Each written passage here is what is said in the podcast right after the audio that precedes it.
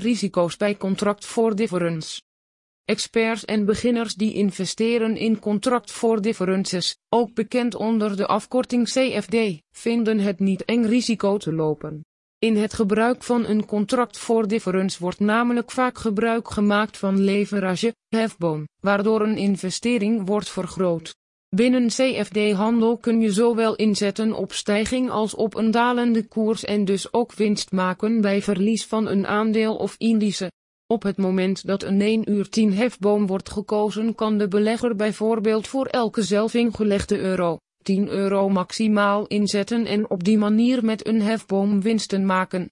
Gevaar aan CFD-handel is dat de koers dus niet overeenkomt met het contract en daarmee kan de trader of belegger zijn volledige inzet kwijtraken.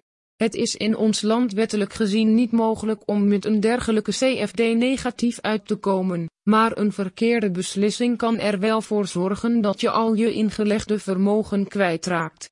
De CFD-handel, contract voor difference handel, kan je veel winst opleveren, maar kent eveneens de nodige gevaren.